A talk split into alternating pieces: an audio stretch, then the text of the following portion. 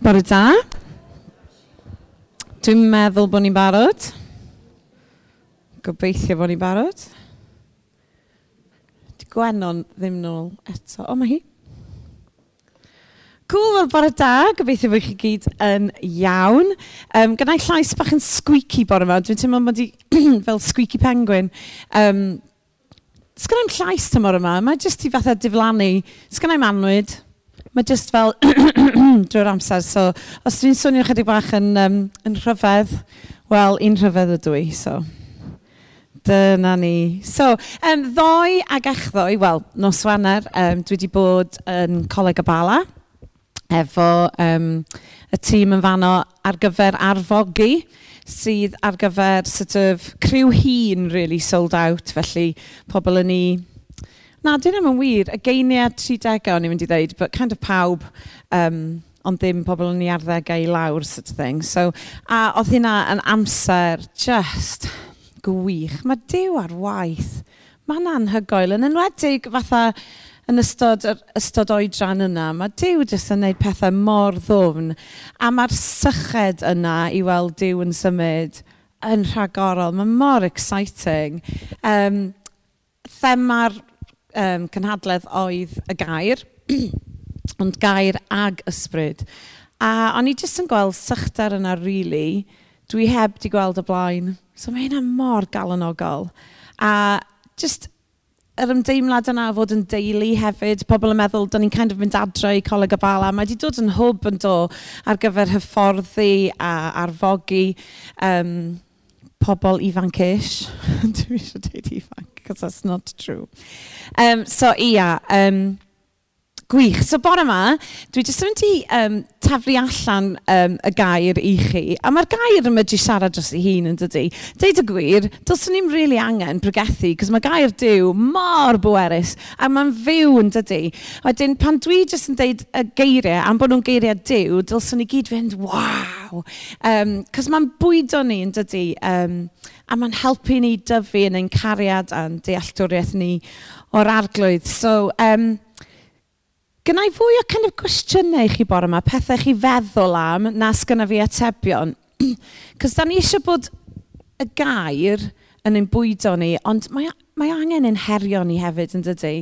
Da ni angen cael y newid gan gair ddiw. Dio ddim jyst yn testyn a geiriau ar dydalen, ond mae o'n rhywbeth sydd actually yn trawsffurfio'n bywydau ni, a mae o'n troi ni fod yn dybycach, gobeithio, i'r arglwydd Iesu. So, di hynna'n oce? Okay? So, os ydych chi'n gadael yma bore yma a meddwl, wel, mm, gynnau lot i feddwl am, ond dwi'n gwybod yr ateb, kind of hynna di'r bwriad. Di hynna'n oce? Okay?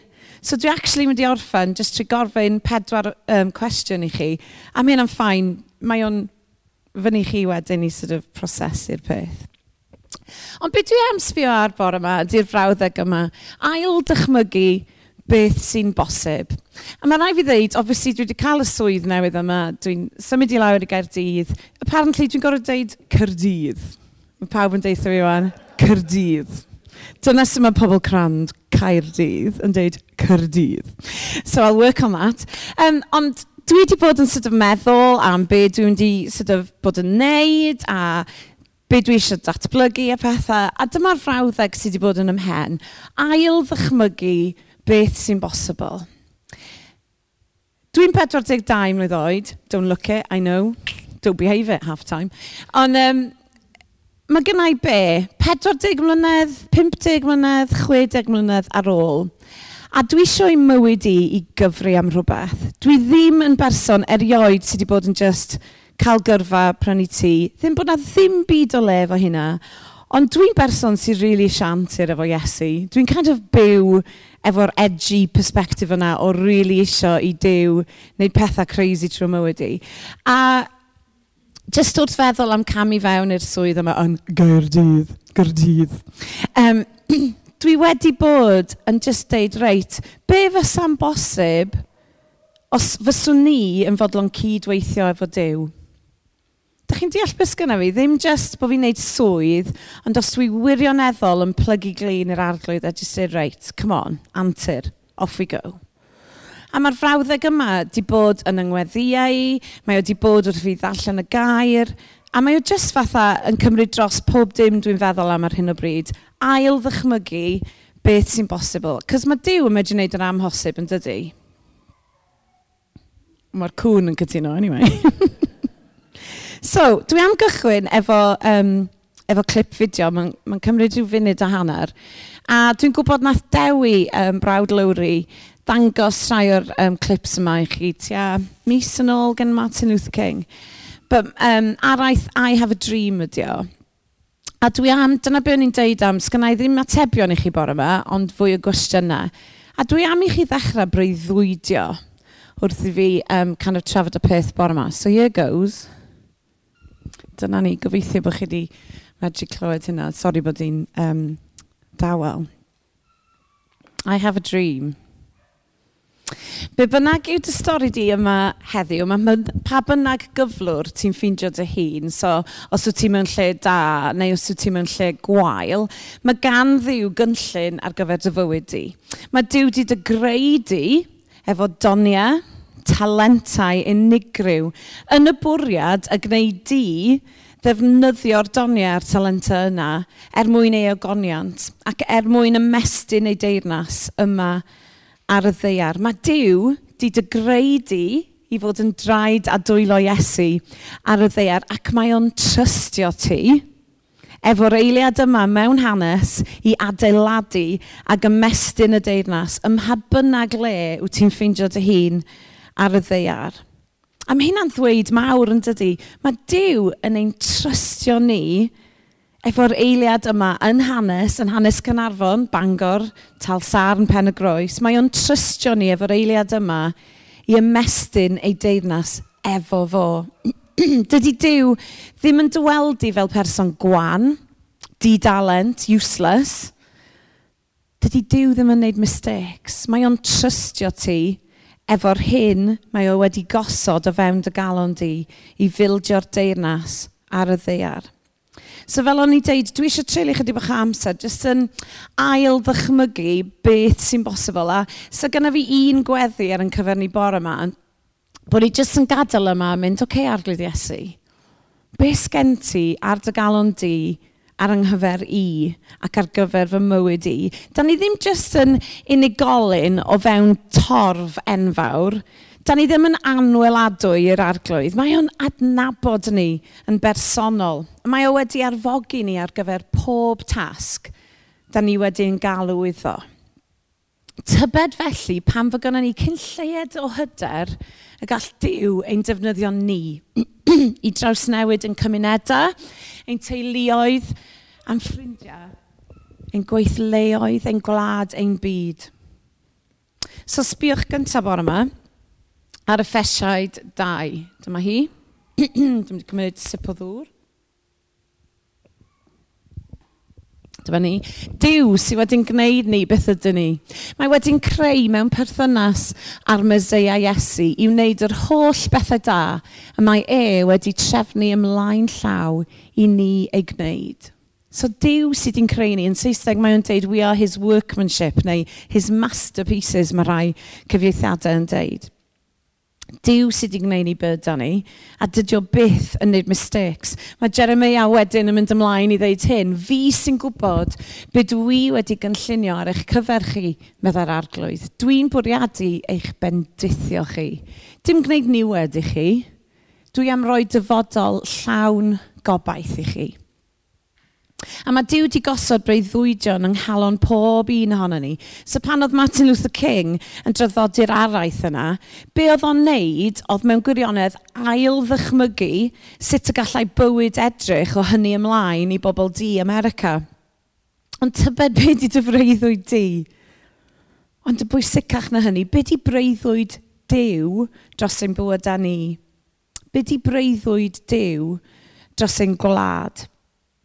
gynnau ddau lyfr scrap adre. Be dwi'n licio wneud ar ddechrau pob blwyddyn ydy mynd i siop goffi, nothing unusual there, a dwi'n eistedd i lawr a dwi just yn gweddio ac yn gofyn i'r arglwydd, reit, be sgen ti ar ynghyfer i eleni?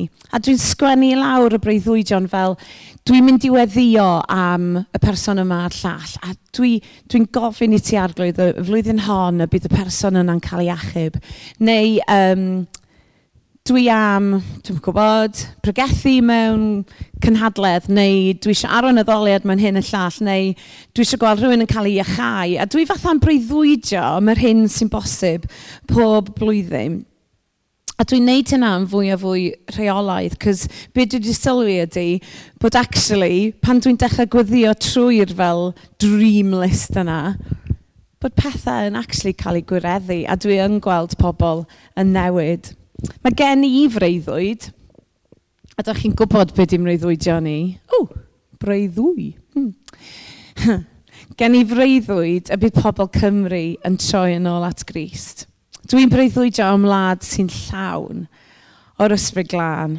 Cenedl sydd ddim jyst yn sôn am ddiw fel rhyw dyn da o'r gorffennol Ond actually pobl sy'n cael perthynas go iawn efo Dyw ac yn caru Dyw efo popeth sydd gennyn nhw. Dwi'n breuddwydio bydd pobl yn syrthio mewn cariad efo'r gair ac yn gwybod am addewidion Dyw a gweld nhw yn cael eu gweithredu yn eu bywydau nhw. Dyna rhai o'n breuddwydio ni. Tybydew e i ti angen ail freuddwydio beth gan ddiw ar dy gyfer di. So beth dwi am wneud bore yma, bod ni fel cymuned yn troi at um, lyfr yn yr hen testament. Dyna ni'n mynd dynyddio fo rhyw lawer, sef numeri, numbers yn Saesneg. Ac at hanes rai o bobl diw yn ail ddychmygu beth sy'n bosib. A os ydych chi'n gwybod um, hanes yr, yr hen testament, mae diw yn addo. Mae o'n addo bydd i bobl o yn gweld gwlad yr addewid. Gwlad sy'n gorlifo mewn llaeth a mel. So dyma chi numeri 13, adnodau 1 i 3. Dyma'r arglwydd, sori, so pan da ni'n cyrraedd y pwynt yma, mae Moses a'r arglwydd yn cael rhyw drafodaeth fach, rhyw sgwrs fach. Dyma'r arglwydd yn dweud wrth Moses, anfon ddynion i archwilio gwlad canan, sef y tir dwi'n ei roi i bobl Israel anfon un arweinydd o bob llwyth. Felly dyma Moses yn ei hanfon nhw allan o anialwch paran, fel roedd yr arglwydd wedi dweud wrtho. Roedden nhw i gyd yn arweinwyr pobl Israel. so gret, dyma Moses yn ei fuddhau gorchymyn yr arglwydd, good call, ac mae o'n danfon cynrychiolwyr o'r deuddeg llwyth i archwilio gwlad Ceinan, to spy out the land. Dyma'r wlad oedd yr arglwydd wedi addo iddyn nhw fel etifeddiaeth. Be oedden nhw'n gorau wneud? Wel, dyma oedden nhw'n gorau wneud, adnod 17. Pan anfodd Moses nhw i chwil, archwilio gwlad Canan, dwedodd fel hyn. Ewch i fyny drwy'r negef a gymlaen i'r bryniau.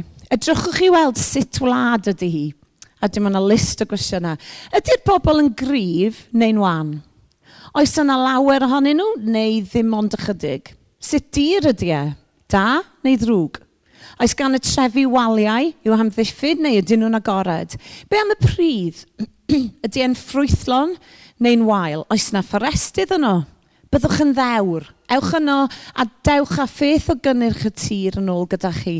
Roedd i'r adeg o'r flwyddyn pan oedd y grawnwyn eiddfed cyntaf yn cael ei casglu. Felly, ffwrdd o nhw, a dyma nhw'n archwilio'r wlad. Yr holl ffordd o anialwch syn yn y de i rechob wrth fwlch chamath yn y gogledd. Lovely job. Doedd hi ddim yn dasg bach, bysa'r dynion wedi gorfod teithio cannoedd o filltiroedd canoedd. Ac in ffact mae'r Beibl yn deud fod yr archwiliad ei hun wedi cymryd tua 40 diwrnod i'w gyflawni. Sy'n um, tipyn o walk, really. Dynion, Sa chi yn licio wneud 40 diwrnod ar eich travels bach chi. Teithio llun ddim yn edrych yn ddim byd cymaru hynna, nag di? OK, so adnod 26, dyma beth sy'n digwydd nesaf. Dyma nhw'n mynd yn ôl i Cadesh yn anialwch paran, So maen nhw wedi wneud yr archwiliad o'n at Moses ac Aaron a phobl Israel. A dyma nhw'n dweud wrth y bobl be oedden nhw wedi gweld ac yn dangos y ffrwyth roedden nhw wedi gario yn ôl. So nath nhw fynd â fel clwstwr o rawnwyn yn ôl. Dyma nhw'n dweud wrth Moses, eithon ni'r wlad lle gwnes di'n hanfon ni, mae'n dir ffrwythlon, tir lle mae llaeth a mel yn llifo. A dyma'i beth o'i ffrwyth. So good times, mae yna fwyd yna. Mae pawb eisiau bwyd yn does. Da ni angen bwyd ble bynnag yda ni. Mae'r tir yn ffrwythlon, happy days. Mae'r adrodd yn ôl yn mynd yn dda. So far. Tan y gair nesaf. Ond, mae'r bobl sy'n byw yno yn gryfion. Ac maen nhw'n byw mewn trefi ceirog mawr. Ac am waith na hynny, mae disgynyddion anac yn byw yno. Mae'r amalec Amaleciaid yn byw yn y negef, yr Hethiaid, Jebwsiaid ac Amoriaid yn byw yn y bryniau, a'r Cananeiaid yn byw ar yr arfordir ar lan afon Iorddonen. Ie, yeah, ond... Mae'r rhan cynta'r adroddiad yn ôl yn pwysleisio faint mor dda oedd y tir. Ond yn sydyn iawn dyma'r dynion yn dechrau cwyno am rym a phwer y pobl oedd yno. Dyma'r adroddiad yn ôl, adrodd yn ôl, yn troi'n sir ac yn chwerw ac yn negyddol. Roedd ceiarau'r dinasoedd yn rhai cryf ac yn ymddangos yn anodd neu hyd yn oed yn amhosib i dreiddio. Ond dwi'n caru beth sy'n digwydd nesaf allan o'r deg dyn, um, y deg ysbiwr oedd wedi bod yna, yna deuddeg ysbiwr, sori, dyma beth sy'n digwydd nesaf. Ond yna dyma Caleb yn galw ar y bobl oedd yno gyda Moses i fod yn dawel. Gadewch i ni fynd, meddai, a chymryd y wlad. Gallwn ni ei choncro. Waw. So o'r diwedd, dyma rhywun efo ffydd yn yr arglwydd ac yna ddewid yr arglwydd. Roedd Dyw wedi addo'n do y byddai'r pobl yn etifeddu'r wlad. A dyma Caleb yn distewi'r dorf. Mae o'n sefyll i fyny ac yn deud, shush, shush, dim mwy. Mae o'n atgoffa nhw y gellir concro'r gelyn.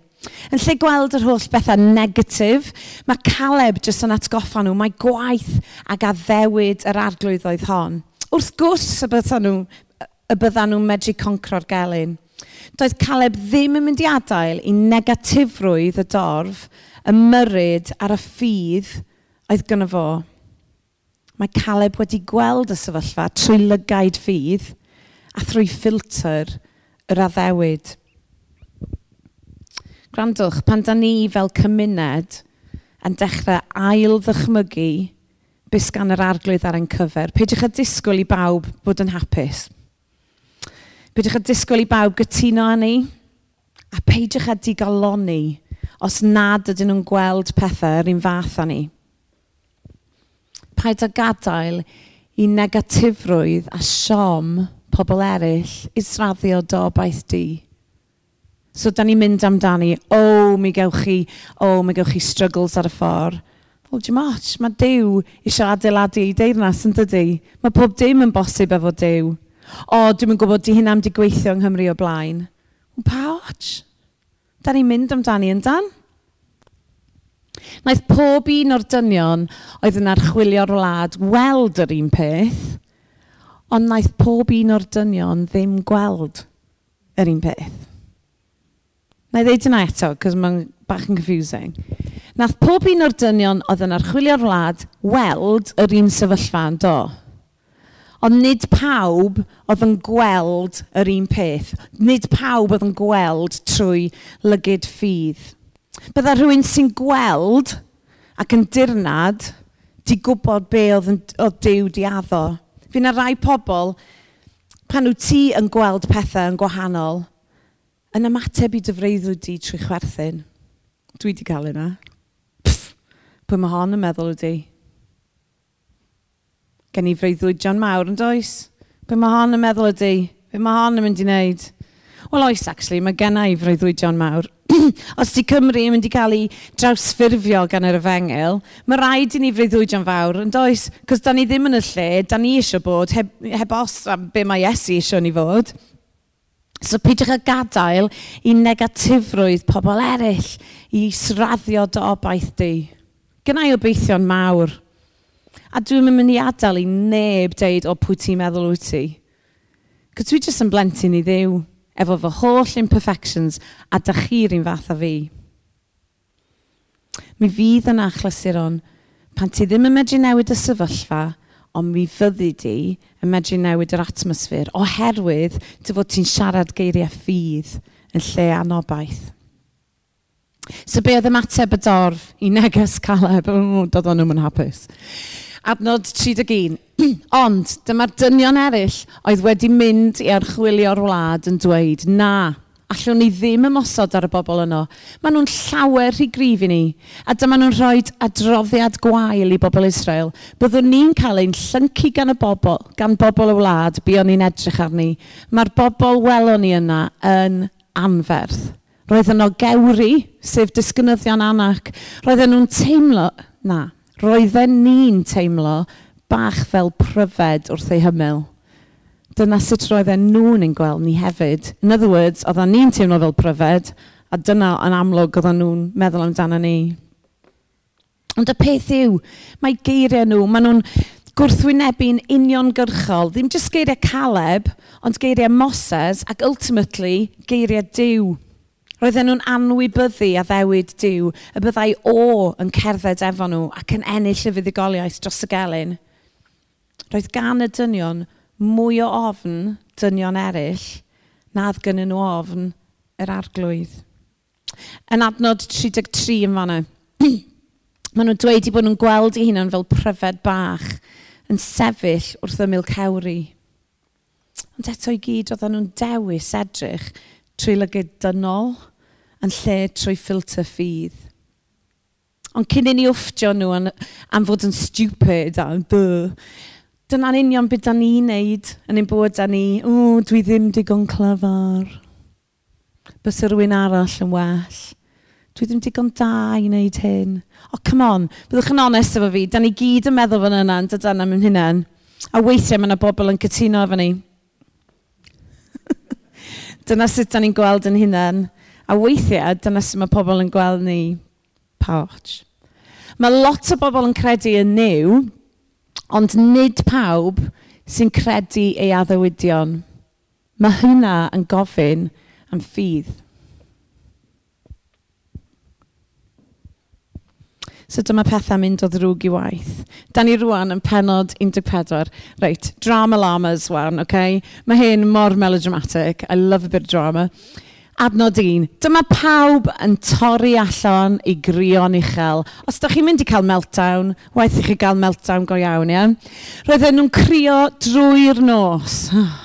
Dyma bobl Israel yn dechrau cwyno a throi yn erbyn Moses ag Aaron. Byddai'n well petai ni yn farw yn yr aifft, neu hyd yn oed yn yr anialwch yma, meddyn nhw. Pam mae'r arglwydd wedi dod â ni i'r wlad yma i gael ein lladd yn y frwydr? Woe is me. Bydd ein gwragedd a'n plant yn cael eu cymryd yn geithion. Fyddai ddim yn well i ni fynd yn ôl i'r aifft? A dyma nhw'n dweud wrth ei gilydd, gadewch i ni ddewis rhywun i'n harwain ni a mynd yn ôl i'r aifft. OK, reality check. Oedden nhw wedi bod yn gaeth yn yr aifft. Ac eto, dyma nhw'n cwyno ac yn crio ac yn dymuno troi yn ôl at y caethiwed yna. Mae hynna yn bonkers. Ond mae hynna'n nodweddiadol ac yn typical ohono ni fel bodau dynol weithiau. Da ni ddim am gamu i fewn i bethau newydd, am bod ni mor gyfforddus gyda'r hen arferion. Gwir?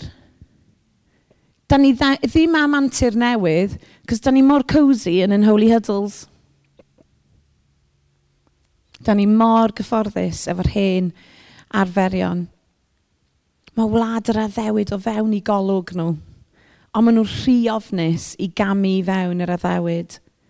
Roedden nhw wedi anghofio'r caledu a'r gorthrwm oedd yn yr aifft. Gyd maen nhw medru cofio i fod yna fwyd yna. Be sy'n digwydd nesaf, adnod 5. Dyma Moses ac Aaron yn plygu gyda'i hwynebau ar lawr. Gwnaethon nhw hyn o flaen pobl Israel i gyd oedd wedi dod at ei gilydd. Yna, dyma ddau o arweinwyr oedd wedi bod yn archwilio'r wlad, sef Joshua, fab Nun, a Caleb, fab Jeffwne, enw gret, yn rhwygo'i dillad. A dyma nhw'n dweud wrth bobl Israel, mae'r wlad buon ni'n edrych arni yn wlad fendigedig. Os di'r arglwydd yn hapus gyda ni, bydd yn mynd â ni yno ac yn rhoi'r wlad i ni. Mae'n dir ffrwythlon, tir lle mae llaeth a mel yn llifo. Felly peidiwch gwrthryfela yn erbyn yr arglwydd. A pheidiwch a bod ofn y pobl sy'n byw yn y wlad. Ni fydd yn eu bwyta nhw. Does ganddyn nhw ddim gobaith. Mae'r arglwydd gyda ni. Felly peidiwch bod a'u hofn nhw. Dwi'n gwybod beth mae hynna'n deud, cos mae'r hael yn So erbyn hyn, roedd y bobl yn bygwth lladd Joshua a Caleb drwy daflu cerig atyn nhw. So mae Moses ac Aaron yn plygu o flaen yr arglwydd. A dyma Caleb a Joshua yn rhwygo'i dillad nhw gan trio perswadio'r pobl i gofio am addewid yr arglwydd a pheidio a bod ofn. Ond wrth gwrs, mae hynny jyst yn gwylltio'r dorf hyd yn oed yn fwy yn dydy. A mae'r dorf yn ei hanwybyddu. So mae Moses yn pledio am fyddeiant i'r bobl ac yn pledio cariad a ffyddlondeb diw dros i bywydau. Ac mae'r arglwydd yn ymateb trwy faddau iddyn nhw. Ond, y trydydd ond. Dyma be mae'r arglwydd yn dweud. Mae nhw wedi fy rhoi i ar brawf dro ar ôl tro ac wedi gwrthod gwrando arna i Oedd yr arglwydd di addo yn do. Oedd o di addo, a dyma'r pobl yn trio roi o ar brawf ac yn cwyno. Ugh. Felly gan nhw'n bendant ddim gweld y wlad nes i addo i roi i'w hynafiaid.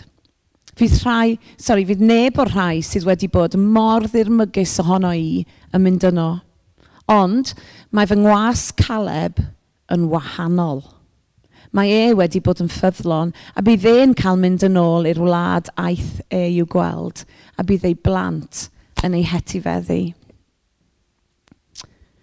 Mae yna rhywbeth am cwyno sydd just yn complete turn-off yn llygyd yr arglwydd ac yn ngolwg yr arglwydd.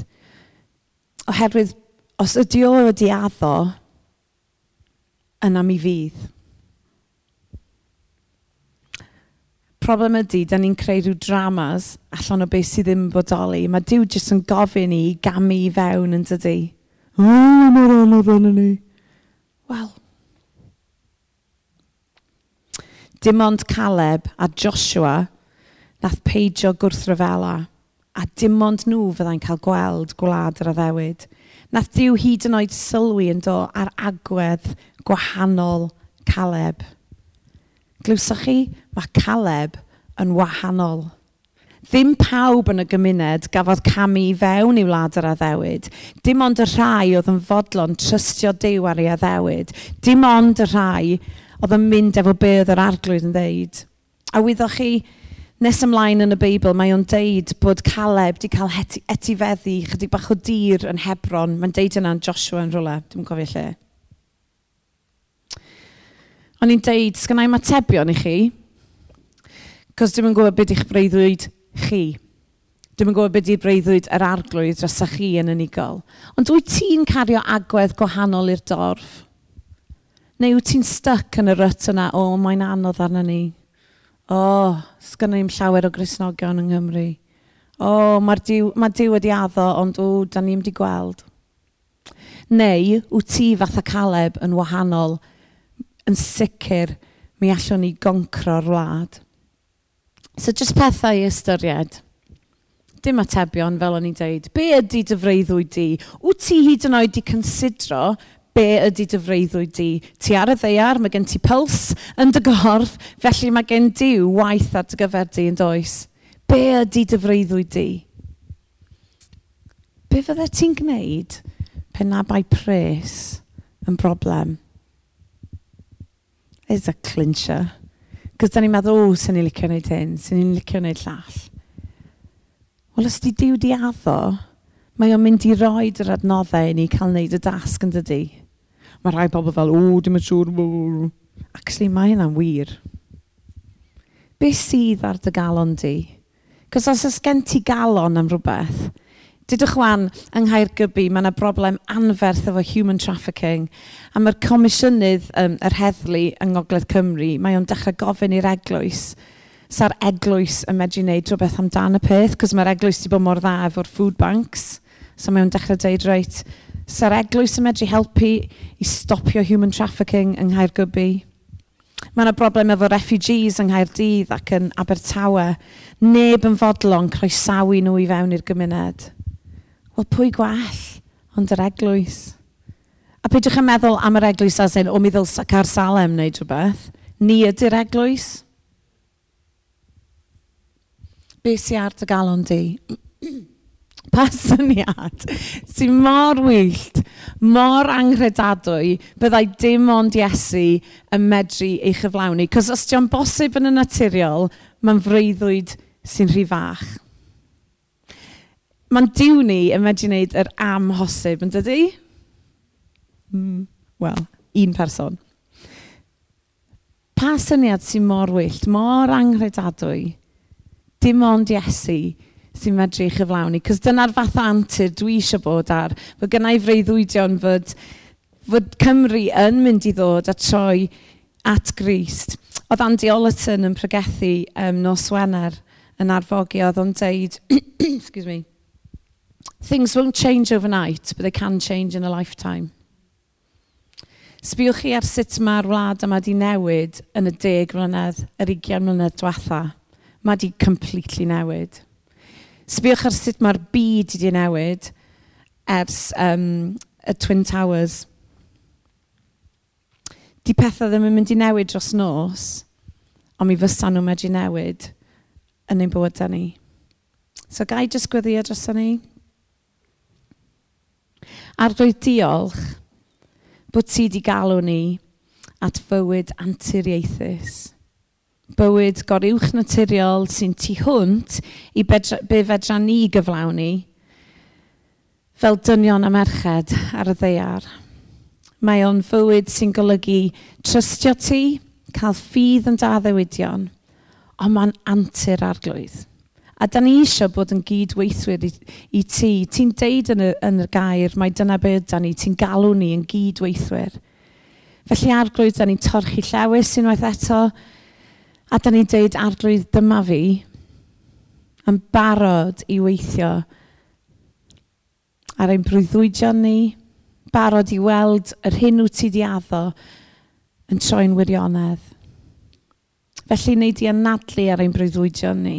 Helpa ni weld trwy ffilter ffydd ac nid trwy'n llygyd dynol. Ac arglwydd, da ni eisiau hwn ddim er gogoniant i ni, ond er mwyn ymestyn dy deyrnas di ac er mwyn gogoniant i dy enw di. So da ni'n gwyddio yn enw pwerus Iesu. Amen.